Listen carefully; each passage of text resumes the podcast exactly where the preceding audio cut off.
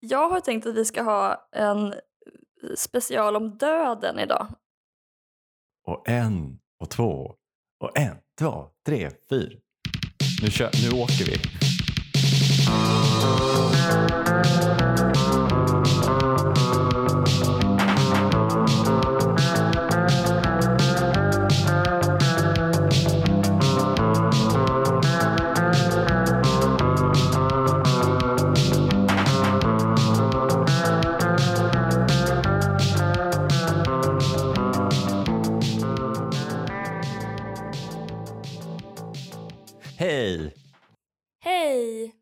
Min ljuvliga Kim. Min älskade Ellen. Det här är ju en podd där vi betar av punkter på en lista. Det är, det är egentligen bara ett förklätt styrelsemöte. mm. Det är nu en vecka sedan vi talades vid senast. Och däremellan har det varit val. Ja. Hur står det till med dig denna ljusa dag i Ulf Kristerssons Sverige? Ja, man hade förväntat sig att det skulle vara en sån att solen skulle bytas ut mot ett Sauron-öga eller någonting. Det är skönt att den här valrörelsen är över. För den har varit, som vi har konstaterat så många gånger i den här podden, så dum, så dum, så dum. Eh, och fick väl någon slags crescendo nu på sistone när eh, eh, Aftonbladet, var det på ledarplats eller var det i Kulturen? Skrev en satirisk krönika om livet i Jimmy Åkessons Sverige. Som alla tolka, tolkade som en seriös text på Mm. Twitter och liksom gick apeshit. Att den så handlar om att du måste gå runt med kvitton hela tiden så att ingen tror att du har stulit din mobiltelefon från någon gänguppgörelse. Mhm.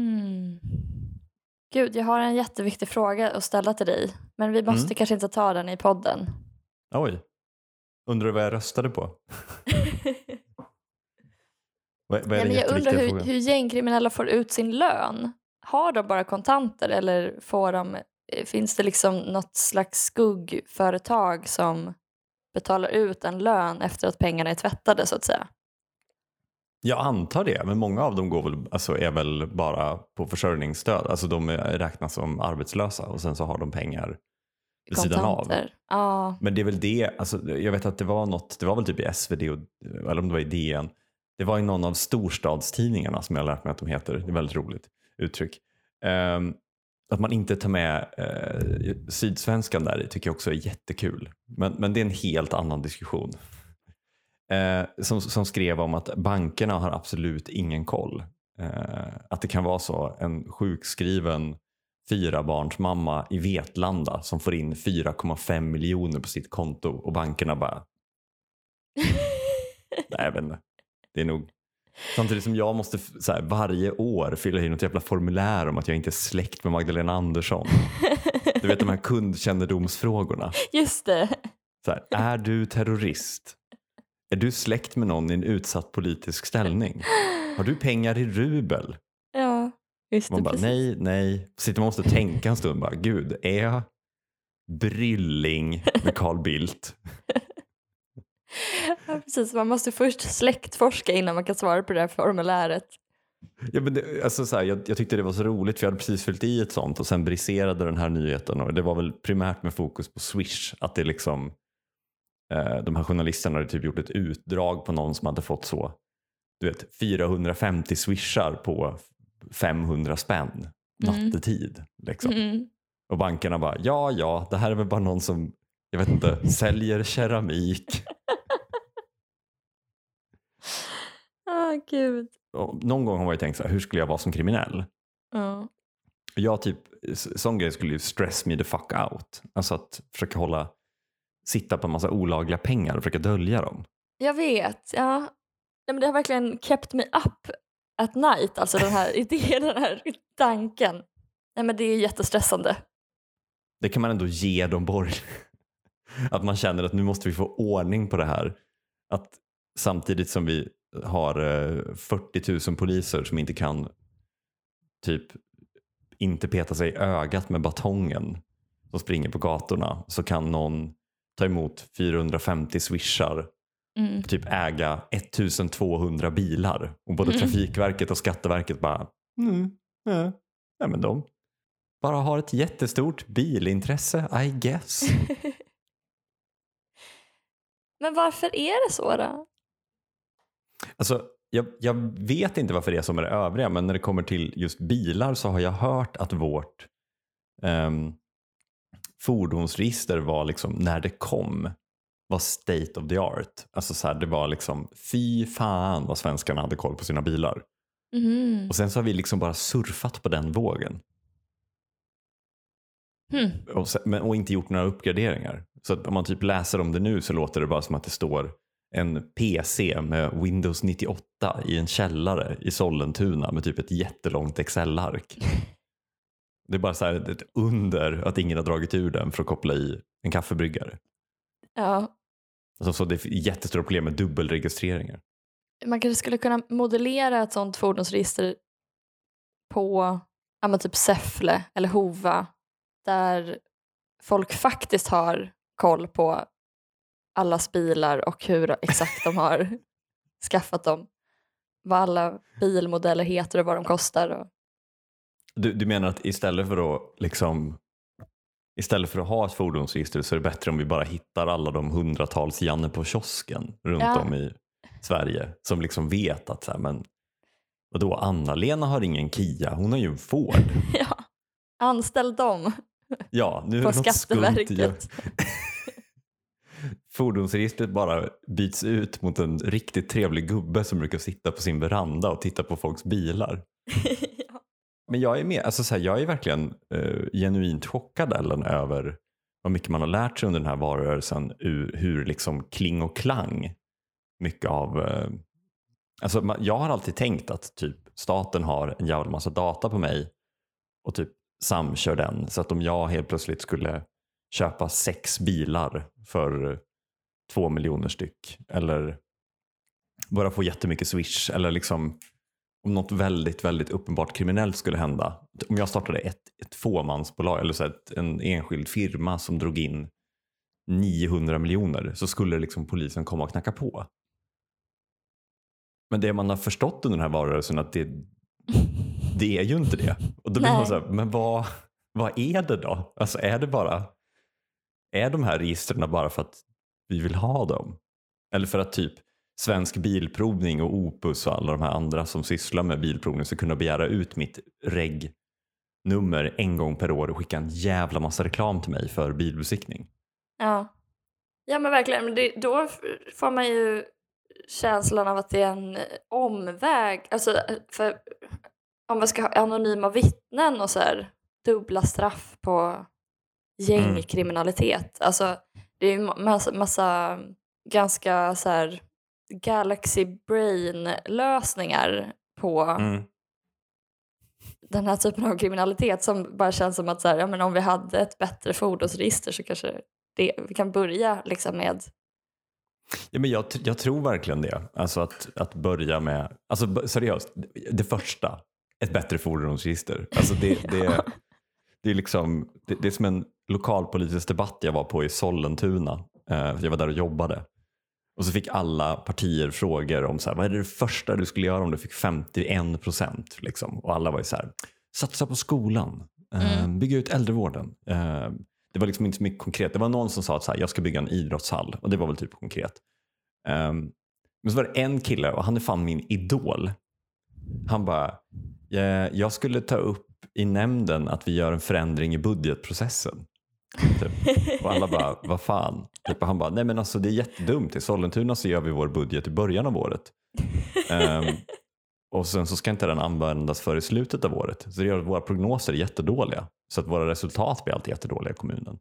Det är ett enkelt fix. ja. Eh, det skulle jag typ göra, för det kan man typ göra första dagen. Liksom. Eh, och alla bara, är du dum i huvudet? hjälte. Jävla tönt. Säg någonting om kommunala ordningsvakter, din bög. Punkt 341.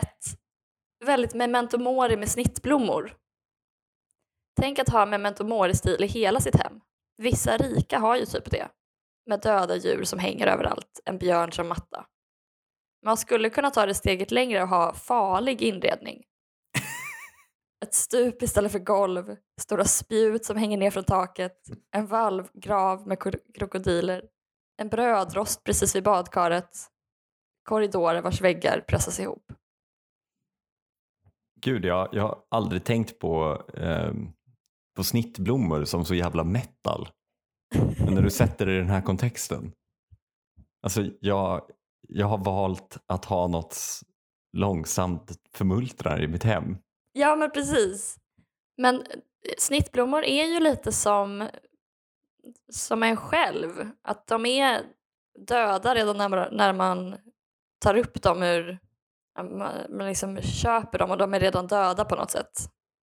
Gud, man skulle verkligen kunna se någon få en sån psykotisk tripp liksom, och, och inse det här när man är i en blombutik och bara börjar skrika rakt ut för att man är omgiven av liksom, uppiffade lik Ja. som liksom hålls vid liv av någon näringslösning.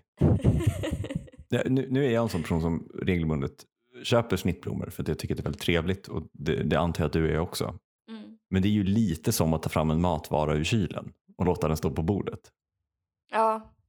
Men det är väl eh, i eh, Vanitas och Memento Mori-motiv i barockkonst så är det väl just blommor och mat ofta.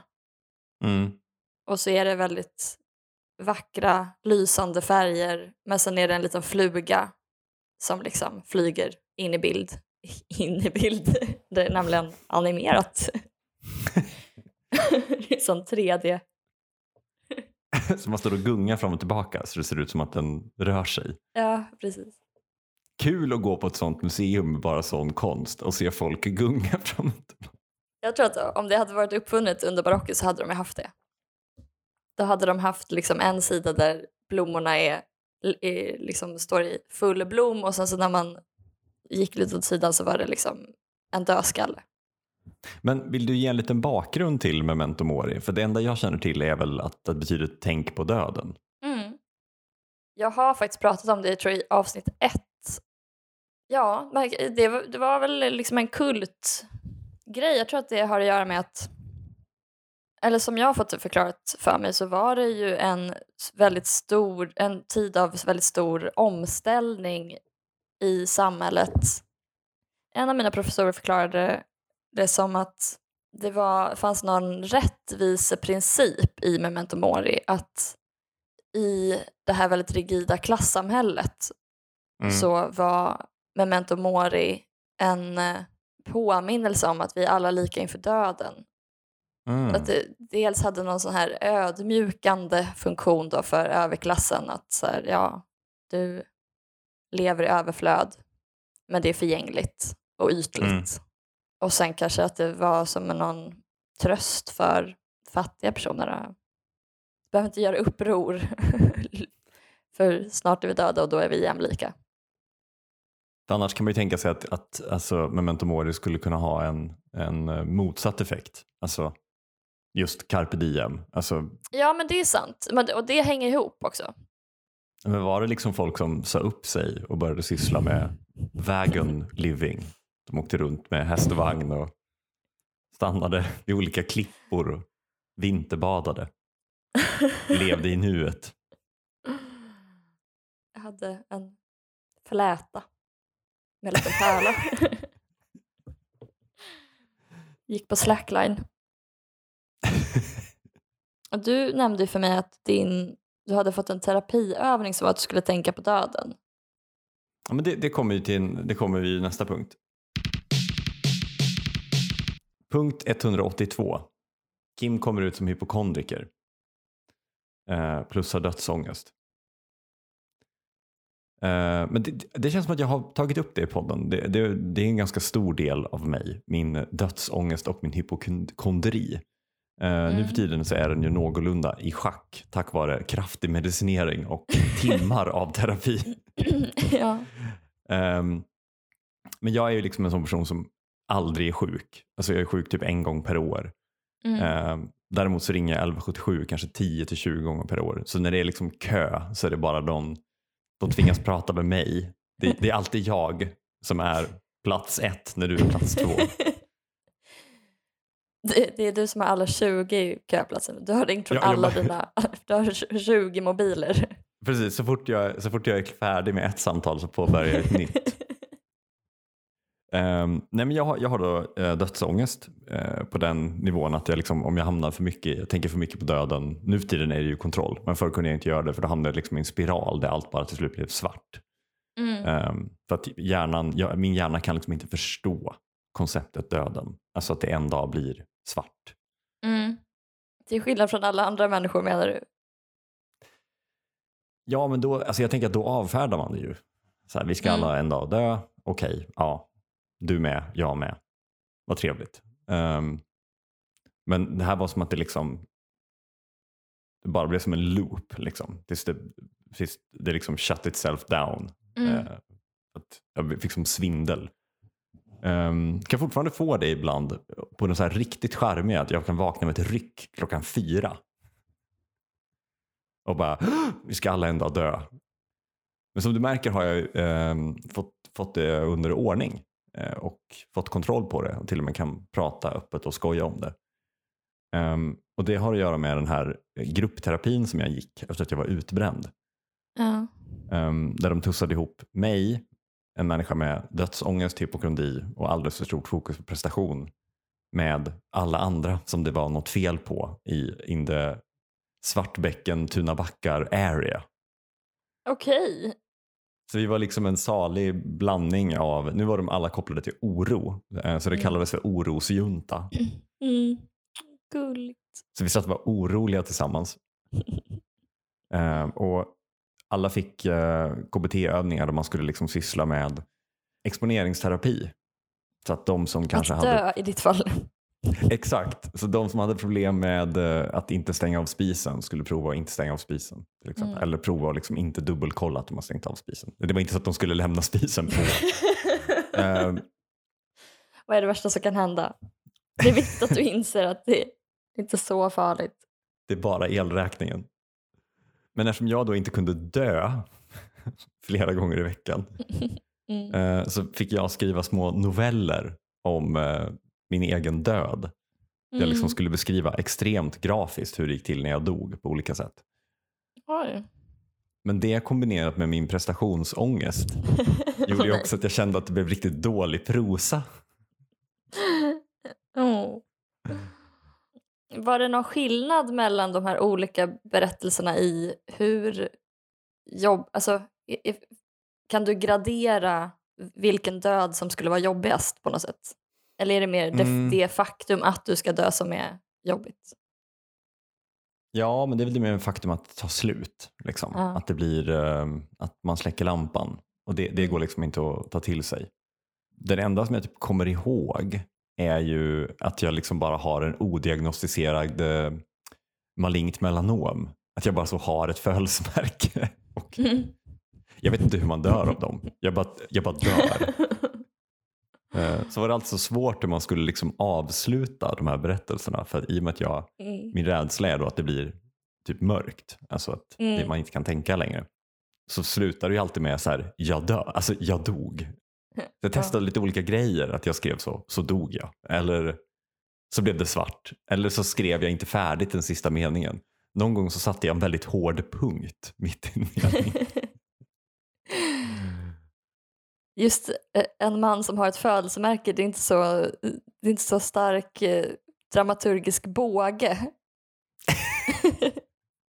Nej, det blev ju ganska mycket alltså för att liksom komma in i det. För att övningen går till så att du, du isolerar dig själv fullständigt. Alltså du ska typ gå in i ett mörkt rum med, med en lampa bara så du kan skriva. Liksom. Mm. Och så ska man liksom bara sitta där. Men det, det är ju 30 minuter. Och, och liksom själva akten att dö i de här, det går ganska fort. Så det fick ju bli, ibland fick det bli lite så här, ja men jag går och köper en kaffe och liksom tar en promenad. Bara fylla ut de här. Fan, det är 15 minuter kvar. Men Jag måste säga att jag blir förvånad att du har då botat så att säga din dödsångest. För att jag har förstått som att dödsångest inte är en diagnos och att det just inte går att bota för att det är bara ett faktum, det är en sanning om livet. Nej men jag tror inte, alltså botat har jag ju inte gjort. Men jag tänker, alltså man bot, vad ska man säga då? Man har botat symptomen eller det sjukliga i det. Mm. det jag ser ju fortfarande inte direkt fram emot att, att dö. Nej. Satte du i halsen eller började du gråta? Eller kvävde du en rap? jag var på väg att dö. Det fick jag i och för sig också lära mig att, att um, många med den typen av liksom, stress och orosproblematik eh, känner efter um, hur det känns i hjärtat hela tiden. Alltså inte psykiskt utan man försöker fysiskt känna sitt hjärta. Um, Men du saknar um, nerver för att känna ditt hjärta. Alltså du har inte känslor på det sättet kring hjärtat. Liksom. Eller känslomöjligheter. Mhm. Um, däremot så har du ju känslor i typ bröstmuskler och det är därför folk som kanske har gjort um, armhävningar för första gången på jättelänge dagen efter kan känna att de har ont i hjärtat. Uh, men en annan sån grej som jag fick lära mig uh, som liksom har förklarat så mycket det är att om du typ är gasig eller dålig i magen så kan du få dödsångest. För det trycker på nerver som du tror sitter nära hjärtat. Så jättemånga med dödsångest är egentligen bara laktosintoleranta. Gud, det stämmer ju på Bergman. Ja, kanske, ja, det kanske är det. Alltså att vi, vi får tacka den, den eh, sinnesförvirringen. Alltså för att jag, jag eh, har vid något tillfälle liksom verkligen haft ångest och sen råkat prutta jättemycket och sen mått bättre.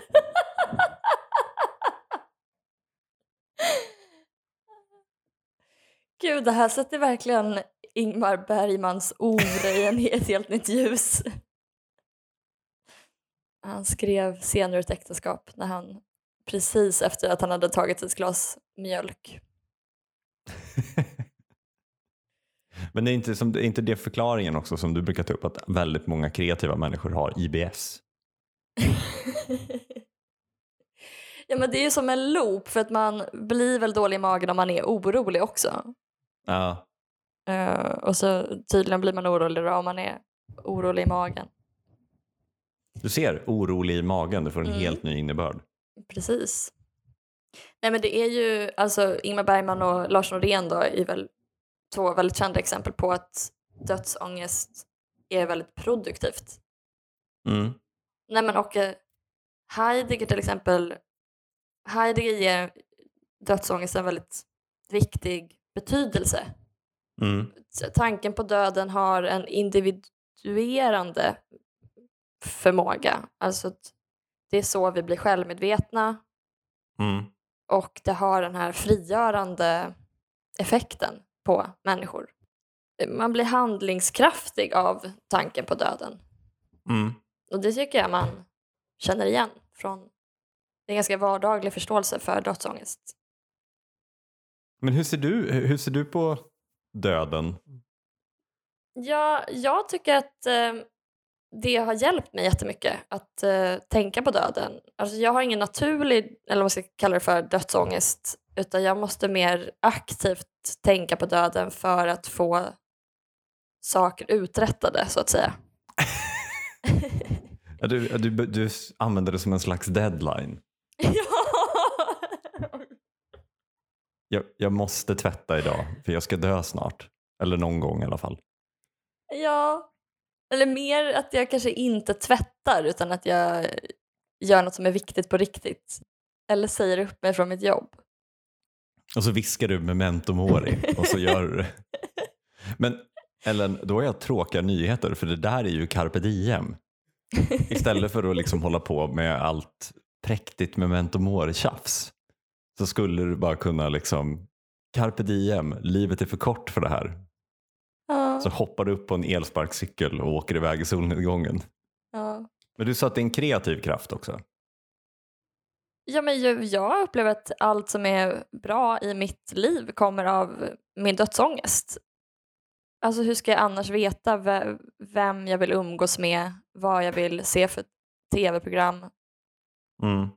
Jag skrev en bra uppsats för att jag tänkte att jag skulle dö hela tiden. Mm. Den här veckan har varit en, eh, Enda lång en dödsångest. enda lång dödsångest. Alltså att jag såg en teater i tisdags och sen var jag på konsert. Två jättebra konstutställningar. Mm. Såg Esbjörn Svenssons, oh, eller lyssnade på eh, Esbjörn Svenssons osläppta album. Jag var på Hornstulls bokhandel och lyssnade på ett seminarium. Wow, du minns verkligen att du är dödlig. vi kan, eh, som en liten parentes kan vi ta punkt 919. Mm. Jag får mer eller mindre dödsångest av underhållning. Jag Mm. gillar inte att roa mig. Mm. Allting blir så tydligt om man liksom väger det på dödens våg så att säga. Att Mm. er, tiden blir så viktig.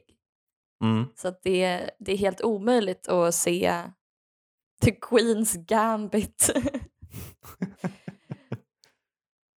Om- jag tittar på um, Gift vid första ögonkastet då är det bara som en kör av så här, snart är jag död, Men- snart är jag död, snart är jag död. Memento mori, memento, Memento mori. mori, memento mori, carpe diem. Men sen är det klart, alltså, man kan ju inte... Det är ju ett praktiskt problem för att man blir väldigt osympatisk. Det är inte, det är inte populärt att ha så mycket dödsångest eller vara så nitisk med sin tid. Folk blir irriterade. Alltså, det, kanske man säger det högt varje gång man väljer bort någon. Ja, tyvärr. Jag är snart död. Livet är för kort för dig min vän. Livet är för kort. Det, Men det är också en komplimang till alla som man väljer att tillbringa tid, tid med då. Det är sant. Ja, du, du vi är ju döende båda två. Mm. Och det jag väljer att göra med min tid är den här podden. med dig.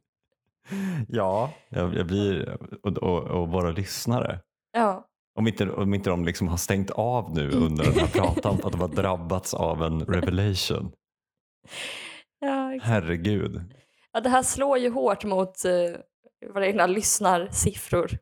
Det kommer vara noll nästa vecka för att alla är ute och karpar diem som fan. Ja. Men att liksom när det kommer till att, att karpa diem, att det alltid eh, det alltid är såna det är liksom aldrig någon som, ja men typ sagt som du gjorde, liksom, att jag bestämde mig för karpa diem så jag gick på ett seminarium på en bokhandel. Ja. Men jag menar det är ju lika mycket carpe diem som att liksom hoppa fallskärm. Mm. Om något så är det väl carpe diem, alltså det är mer psykisk ohälsa att hoppa fallskärm. Än att liksom actually, alltså så här, mitt liv känns så meningslöst att när jag får tid över, det enda jag kan göra är att liksom ge mig själv en adrenalininjektion rakt Mm. in i aortan. Just det. Men vad driver din dödsångest dig till då? Ehm, jag, jag har nog inte tänkt på att det är den som driver mig. Jag har nog tänkt på att det är prestation. Alltså jag vill bara känna mig duktig. Jag drivs nog av beröm tror jag. Men det Eh, känns nästan som motsatsen till dödsångest. Eller? Eh, ja, alltså man, ja, kanske. För man gör ju bara man gör ju bara tråkiga saker. ja. Samtidigt så, alltså jag kan förstå det på ett sätt om det, det skulle kunna vara kopplat till dödsångest på så vis att man vill att det ska vara värt, alltså att man vill göra någonting väldigt bra Mm. innan man dör. Inte lämna efter sig ett spår av halvtaskigt skrivna noveller. Odiskad disk. Nej, men jag vet inte. Alltså, för jag har ju liksom, antingen så vill jag göra någonting produktivt eller så vill jag typ ligga och titta på min telefon. Mm. Ehm, så att det, det finns två vargar inom mig. Den ena har 5G. I, eh, jag tror att det är framförallt romersk mytologi, Mm. så har man ju, han heter Mors på latin, eh, dö- dödsguden, Thanatos. Ja. Alltså det man brukar, om man känner till någonting om Thanatos så är det kanske att han är barn till natten och sen är han bror till sömnen. Mhm. Men grejen är att han har också en massa andra syskon. Det, det är lite olika vilka, vilka som ingår beroende på vem som berättar. Mm. Men då finns det till exempel i Hyginus berättelse, någon slags romersk poet. Mm. Då är det att Thanatos syskon är bland annat då kontinentia, alltså måttfullhet, Mm. somnia, drömmar, kärlek, amor, epifron, prudence, så försiktighet och klokhet, men också hybris eller petulantia. Hybris är det grekiska namnet men det förklarar ju då vad det betyder också. Efrosyne, gott humör. Amistitia, eh, vänskap. Mhm. Och eh, misericordia, inlevelsefullhet eller empati eller medlidande. Och enligt Cicero så är det också amor, kärlek, Mm. Och arbete eller toil på engelska, alltså labor på latin bland annat. Alltså sen är det också, det är också andra syskon som är mer eh, negativt eh, Hur många barn hade de? Jag tror all, allt det här är nattens barn som natten har fått själv. Jaha. Det kan vara att det är Erebus också. Eh, För Erebus och natte, alltså Erebus är då mörker. Mhm. Så mörker och natten var syskon men de fick också jättemånga barn då. Ja, Så lite tillsammans? incest, incest mellan mörker och natten. Och Mhm. dagen är ett av deras barn. Och ljuset. Men sen går berättelserna lite isär då, kring vilka andra barn de hade och vilka barn Nyx hade själv och sådär. Mm. Men jag tycker bara att det, det ligger någonting i det om man ser det med den här Heidegger, eller man ska säga, blicken att dödsångest, eller döden, ger också upphov till vänskap, kärlek, arbete, Mm. eh, empati. Så det, jag vill bara säga att redan de gamla romarna Fint. Du borde varit en föreläsare på min dödsångestkurs. ja. Punkt 574. Har du kvar döda personers telefonnummer i mobilen? Mm. Det är en du det? fråga till dig.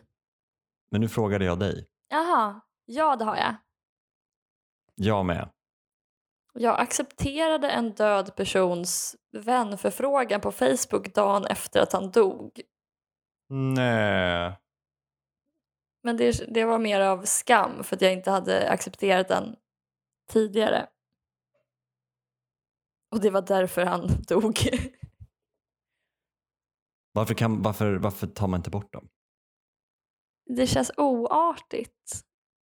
är väl ett svar, men det är också att det, det känns väldigt definitivt. Mm. Alltså, ska jag aldrig mer ringa den här personen? Mm. För det känns ju som, alltså när de ligger där i telefonboken, då känns det ju som att man fortfarande kan ringa dem. Bara att man inte har gjort det på länge. Men, men också att typ det inte heller är någon börda. Alltså som att typ råka ha kvar gamla klasskamrater i telefonboken. För de kan man ju typ råka ringa någon gång då. Mm. Men det gör ju inte så mycket om man råkar ringa en död person. Om inte de svarar då, för då får man ju panik. ja. Man kanske ska slänga iväg ett sms till sin gamla farmor. Och se om det blir såna här blåa iMessage-bubblor. Ja, Efter sex månader så får någon annan telefonnumret. oj, okej. Ja, så skicka inte ett sms till din gamla farmor för då hamnar det förmodligen hos någon Nej. som kommer bli jättechockad. Ja. Tänker på dig varje dag.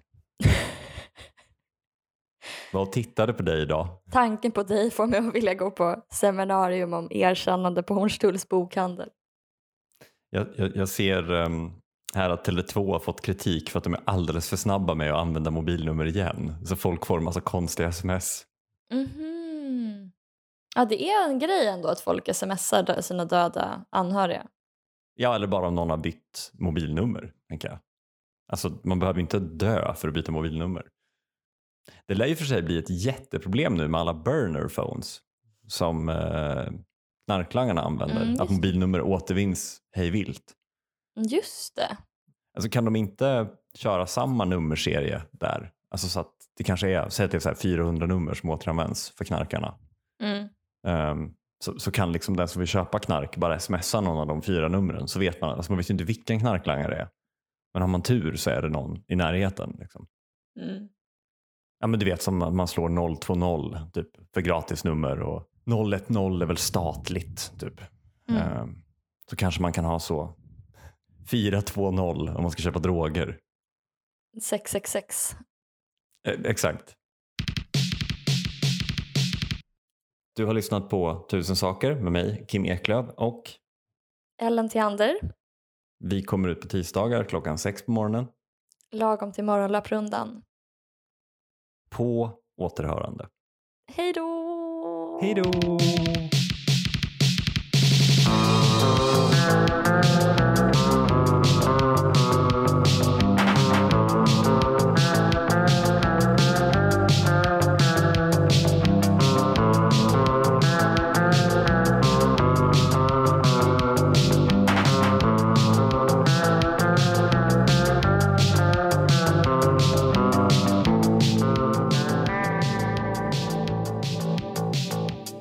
Okej, ska vi vad heter det, slicka på limmet på baksidan av brevet? En perfekt, Gud, ett bara en perfekt liten uttryck. kort, kort grej du kan lägga in efter slutgingen. När jag skulle rösta så var det slut på vatten i den här duttpennan som man använder för att stänga kuverten. Eh, Så jag var tvungen att slicka det. Men så, jag har inte slickat kuvert på hundra år så jag kommer inte ihåg vad jag gjorde. Nej. Så jag var liksom så rädd för att typ dra tungan längs med pappret och få en papercut. Ja. Så jag gjorde istället liksom typ åtta snabba slick i rad. Så. Och liksom, som, en, som att jag skrev på en skrivmaskin. Ehm, Ja. Men så var det ju fan tre kuvert så jag stod där bakom och liksom hetsslickade tre kuvert. Ja, alltså jag gjorde det också men i, inför öppen ridå för att jag gick ut och så kom jag på men just det, men hur ska jag stänga dem? Så att så bara stod, ställde jag mig mitt på i, i mitten av rummet och slickade igen de här kuverten. Så Liksom, och så var det så otroligt många kuvert. Det var i alla fall väldigt, väldigt gulligt nu när de har den här skärmen där man tar eh, valsedlarna. För då går man in där, tar sina valsedlar, står med sina valsedlar i kö, helt öppet, där Mm. alla kan se vilka valsedlar du har tagit ändå. Mm. Och sen går du in bakom ett bås för att lägga dem i ett kuvert. Alltså så här, det är bara... Kan man inte bara... Ja, Jag vet inte. det Säga bara vad man röstar på. Ja, kan man inte bara gå fram till någon och säga hej, en på vänstern tack.